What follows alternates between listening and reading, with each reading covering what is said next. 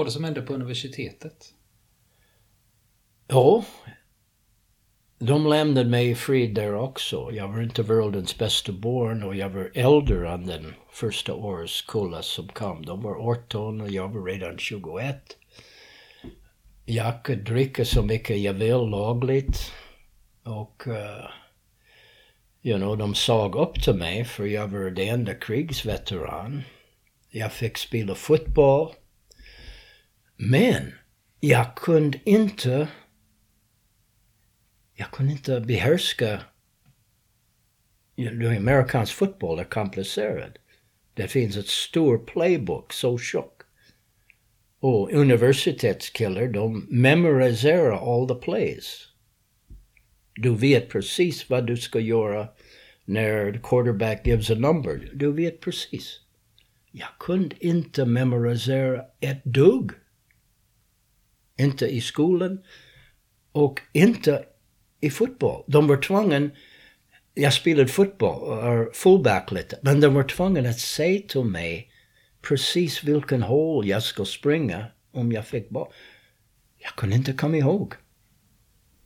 Och jag tänkte, vad är det för fel med mig? Och det var många, många, många, många, många år innan jag fick förklaring vad det var för fel med mig. Men jag, jag fattade inte. Så hur gick det för dig på universitetet? Vad blev det av det? Jo, den, den första år jag fick ett jobb som en bartender in the La Playette, where there were, where all the, you know, the, the in-studenter var. Så jag träffade där elever från en kvinnlig uh, universitet som var i närheten. Det var bara i den tiden män i St. John's. Och de vill ha några killar kom med dem till ett universitetsprogram i Luxemburg. Och det ska vara det nästa år. Så jag skrev mig in på den. Och jag spelade fotboll den första år i St. John's. Så jag har haft roligt. Defense var okej. Okay. Jag behövde inte memorisera massa saker. Men offense, jag kunde göra ingenting. Och vi haft en fotbollscoach som i college football, han vann the mest, you know, han vann the mest games. Det finns ingen i hela amerikansk historia som har vunnit så många som, uh, som han. Och uh, jag sa till honom nästa semester, jag ska åka till Luxemburg till en... Va? You're going to Europe? Ja, jag kommer tillbaka nästa år efter och spela fotboll igen. Han sa, you, you're gonna go to Europe, you'll grow a beard, you'll get a bunch of crazy ideas, you'll never play football again. Och uh, det, var precis vad det hände. Uh, För det blev Luxemburg då? Ja, och Luxemburg var en, you know, en Ja, ja, min bästa kompis i Luxemburg var en lieutenant, lieutenant i the Luxemburg Army. Och uh, vi umgicks mycket. Och uh, jag fick ett jobb i en slott i Ansenburg, var skolan var och jag fick vara vaktmästare och uh, haft nyckel till the bar och alla bilar och sånt och jag var en slags handyman student och jag var aldrig nykter i den tiden. Men uh, vi har haft mycket roligt. Och vad händer efter Luxemburg då? Ja, då mitt i den andra semestern i Luxemburg, jag kom på att han som sett, den amerikanska affärsman som startade den skolrörelsen där, att han betalade inte sin sin folk i Luxemburg som jobbade för honom. Han bara gav dem massa lufter. Han gav mig mycket pengar. Men jag fick en dålig känsla för det hela. Och jag fick nog. Och jag har haft min kompis köra mig ut mitt i vinter i en snowstorm och jag hitchhiked till Italien. Och där jag var i Roma några dagar och det var kallt och jag var ha solsken. Och jag, var, jag träffade en man som var en diktare i Roma. Och han heter Lenny och kom från Kanada. Och det måste varit Leonard Cohen. Och han tittade åt några av min dikter från kriget och han tyckte inte så mycket om dem tror jag men han sa till mig jag skulle inte till Sicilien som jag tänkt. Men han sa jag ska till Grekland han sa. Han sa Grekland, Greece is wonderful. Go to Greece. There are lots of sun, wonderful people, good food, music.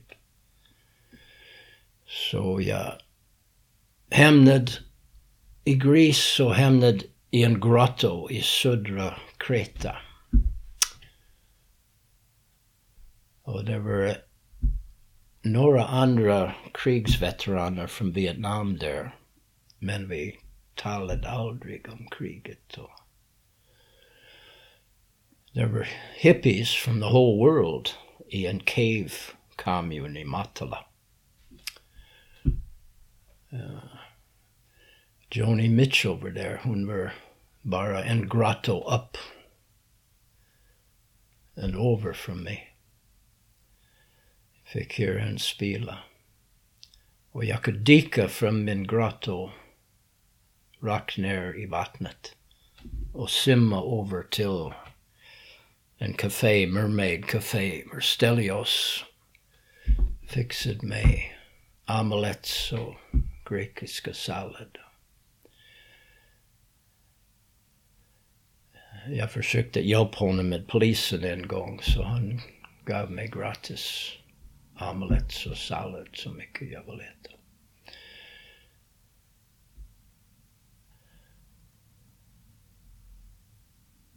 Och sen jag åkte tillbaka till Luxemburg.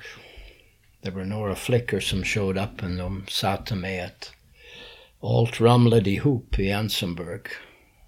De kom mitt i natten och de tog alla studenter och staff, professors, tog dem till Belgium, flög dem ut från Brussels back till Amerika. Och de lämnade en big mess i Ansenberg så jag åkte tillbaka dit och hjälpte städa upp i Ansenberg. Och jag, jag träffade några marxister i Luxemburg där. Och de sa att man måste vara organiserad att ha revolution. Och jag kunde inte organisera mig. You know, allt för kaos. Ja. Jag reste till Istanbul och runt och jag, jag skaffade massor av these puzzle rings. Mm. Så jag kunde överleva med dem. Jag har haft pengar för universitet som jag aldrig betalade universitet och jag köpte massor av dem. Mm. Och jag sålt dem. Jag, jag köpte dem för bara några få kronor och sålt dem för kanske 100-150 kronor och visade folk hur att sätta ihop dem. Och åkte tillbaka till Amerika till min lilla bondgård. Och min pappa kom ut med en lilla schäferhund för mig och jag har gjort en vinter på min gård där. Huggit ner träd. Och den skola som de lämnade i Ansenberg, the greven av Ansenberg, han var med mig i the bibliotek av den. Och det var massor böcker som var bara lämnade på engelska. Jag frågade greven vad han ska göra med alla böcker. Han sa, take what you want. Så jag plockade ner alla intressanta böcker, alla filosofiböcker jag kunde hitta, varenda. Allt som såg ut att har någonting med samhällsutveckling och sånt. Och jag sett dem i en, det var fem stora kartoner och skickade dem tillbaka till Amerika. Så jag satt på min bondgård för en hel vinter. Och jag läste och läste och läste. Jag försökte hitta mening till livet. Jag läste Marx och försökt you know, att följa struktur i hans tänkesätt. Och Lenin, you know, han var riktigt vass i hjärnan. Jag, jag kan förstå Stalin, men inte, inte Marx och Lenin. Men jag kan förstå Mao, för han diktade allting. Och då, de drömmer fortsatt, vi måste ta revenge, ta revenge, ta revenge på dem som låg bakom kriget. Och Agent Orange och allas helvete. Så vi försökt att ta ner systemet. Jag åkte till Washington DC. Jag åkte fast och genom Guds under jag kom fri. Hamnade tillbaka i min bondgård i Minnesota. Vad var det du åkte fast för? Well, en sak var you know, jag är 72 år gammal och det skadade inte. Och jag har redan erkänt den här också. För när jag jobbade på en bondgård i Dakota, längre, längre, längre efter, jag, jag erkände till FBI att jag, jag tände på en uh, amerikansk inte amerikansk, men det var Republican Campaign Headquarters för Nixon i Washington. Det var bara några få kvarter från Vita huset där. Det var en gammal hotell. Och uh, det var ett stort ögonblick, you know. Brandkår kom. Och jag kände att jag verkligen gjort en insats. Du satte eld på det stället? Well, vi tänkte att jag var med en annan krigsveteran. Vi, vi gjort en massa broschyrer att bjuda in massa hippies och studenter som var där och protestade kriget. Det var en stor protest och vi tänkte you know, vi har haft röda armbander och whistles och sånt. Vi, vi ska hetsa upp den stora hundratusen man folkmassa och attackera the, the American Congress-byggnad. Och det känns som vi är på väg att lycka. Jag kommer ihåg det var en rockgrupp, Country Joe and the Fish. De var bra att hetsa upp folk. Och han haft någonting som kallas the Fish Cheer. Och han led, you know, that hundratusentals folk i en riktig Fish Cheer. F, U, Hey, och vi känner nu är ögonblick. You know, den här folkmassa could go åt den kongressbyggnad. Ni, ni trodde det skulle bli revolution? Ja, det kände. Jag menar, det var, jag har haft en stor svart kompis som var, you know, han var med i norra Afrika i olika revolutionära stuff. Han trodde det var på gång också, men han sa till mig, vi har ett problem. You know, he said the brothers are not with us yet. De litar inte på studenter. So, you know, det var inte självklart att det that hända, men det kände i den ögonblick det skulle hända. Och i den ögonblick där kom en, om du could kunde hitta någon film av den här, jag har försökt att hitta den här. Där kom en stor svart man med en kors. I mean a full size cross. Han kom genom den folkmassa och folk spred sig för honom. Och han drog den upp precis framför kongressbyggnad där. Och de hjälpte honom sätta upp den. Och jag tänkt, vilken idiot! Han... Någonting hänt. You know, jag har haft min svart, svart campus, kompis med mig också och han sa till mig, kom, let's go. Så vi gick bort och började att samla pengar för folk som var eh, i fängelset redan. Och vi sa att vi skulle betala deras böter och få dem loss. Men vi, vi bara tar, you know, samlade ihop en massa pengar och vi haft en liten fest själv. Och det måste ha hänt med alla de folk i den stora demonstrationen, de gick olika vägar efter den. Det var, det var som det var ingen fortsättning. Mm. Är det här 1970 eller 1969 då? Det var 1971. Det måste vara. Mm. Ja.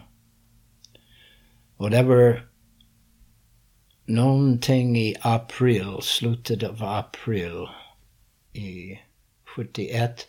Och jag stannade i Washington till första maj.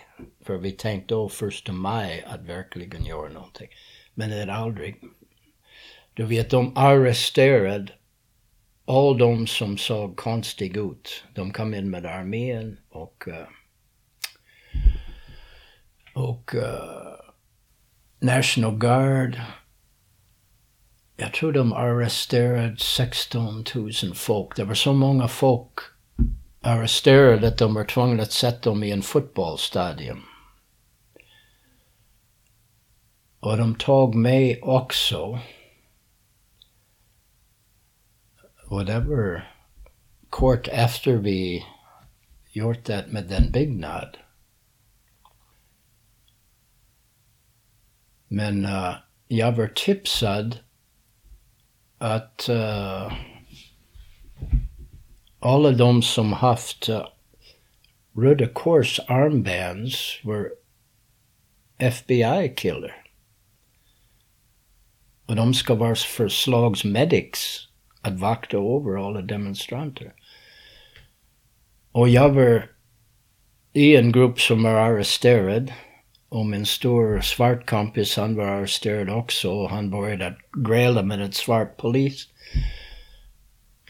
Men uh, jag sa att en av dem med en Röda Kors armband talade till polis och officer och började gå ut från de som var arresterade där. Och jag sa jag är med honom. Och jag följde honom ut. Och jag kom bort. Jag, var, jag åkte tillbaka till min bondgård därefter. Mm. Och då var du på bondgården sen då. Vad hände, vad hände sen då? Well, then, then a bunch of drifters came up. Revolutionaries came up till bondgården.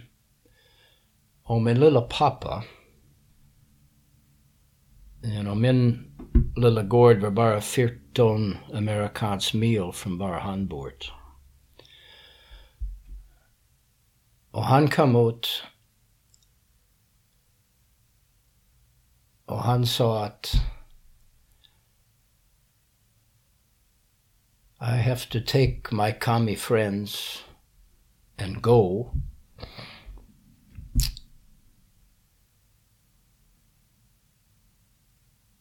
He says, if you don't go, I'll have to shoot you off. Och han grät. Och jag tänkte, stackars man. Du vet, han fattade inte världen.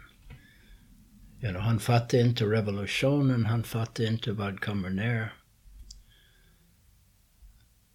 Men jag skickade bort allihop. Och uh, det var en veteran kompis med som när jag körde honom ut mitt i Dakota och lämnade honom av. Han, han vill att vi fortsätter och råna saker och håller på med revolutionen. Men jag, nej. Jag åkte tillbaka och jag åkte iväg till Sydakota till en hästranch och lärt mig att skor hästar. Och direkt efter jag lämnade min gård, den FBI kom och försökte att uh, hitta på varje var. Hur mådde du under den här perioden? Jag mådde inte gott. You know. Jag tyckte synd om min förälder. För jag, jag har gjort dem ledsen. Min mamma, jag menar hon plötsligt var gråhårig. De, de var riktigt uh, oroliga.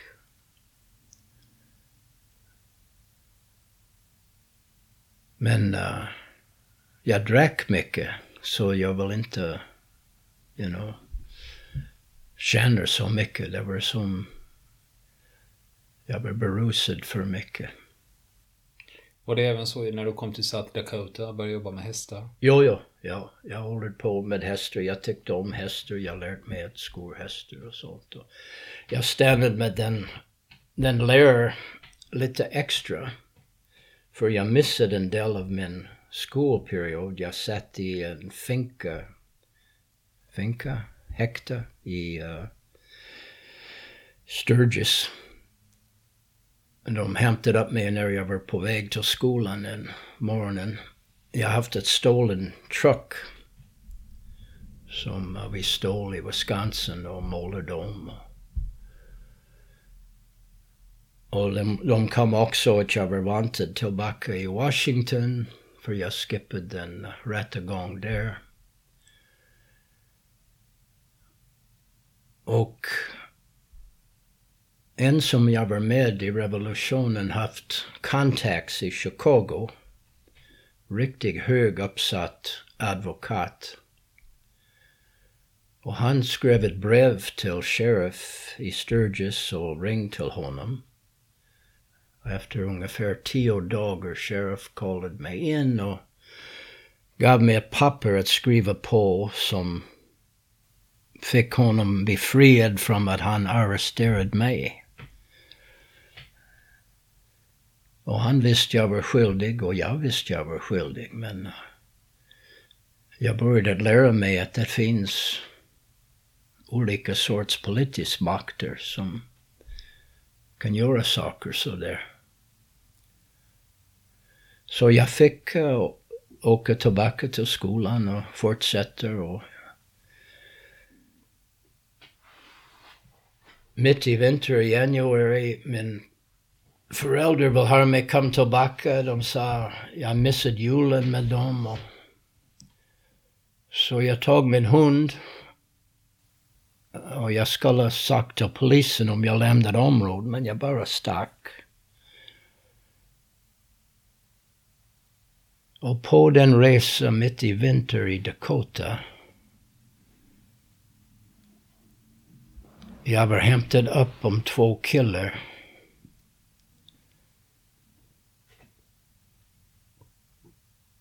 Och de sa de var ute på en uppgift för Jesus. Och jag tror de var på knark. De haft riktigt shiny eyeballs. Det var mycket äventyr innan de plockade upp mig. Du vet, det var mer än 20 grader kallt i Dakota i, mitt i vinter så där. Ja, man kunde frysa där ute på prärien. När de två killar plockade upp mig. De tog mig till ett, ett uh, coffeehouse för Jesus på kanadensiska gränsen. Och han som körde bilen berättade sin livs historia. Han var en heroin addict. You know. Mm. Train all over. Han sa Jesus sätt honom fri. Och jag visste, jag visste att han inte ljög för mig. Han sa sanningen. De ungdomar bad för mig. De var tonåringar, kanske 20-30 styck över fyllt lilla kaffehus. De lyssnade till hans berättelse. Han var över 20 år i fängelset, den man. Och Jesus satte honom fri från knark. Han var på knark i fängelset. Och från där mitt liv började att gå uppåt och uppåt och uppåt och uppåt. Jag fick jobba på en pojkranch i Dakota.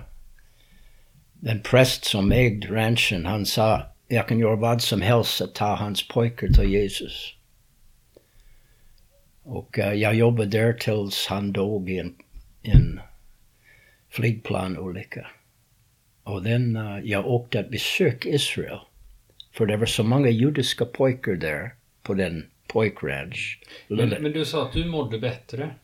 Blev du frälst där? Eller Ja, vad- det, var, de kallade det frälst, ja. Ja. Jag, jag, för allt som jag hört om Jesus i hela mitt liv kom tillbaka till mig. Och plötsligt det kom till mig.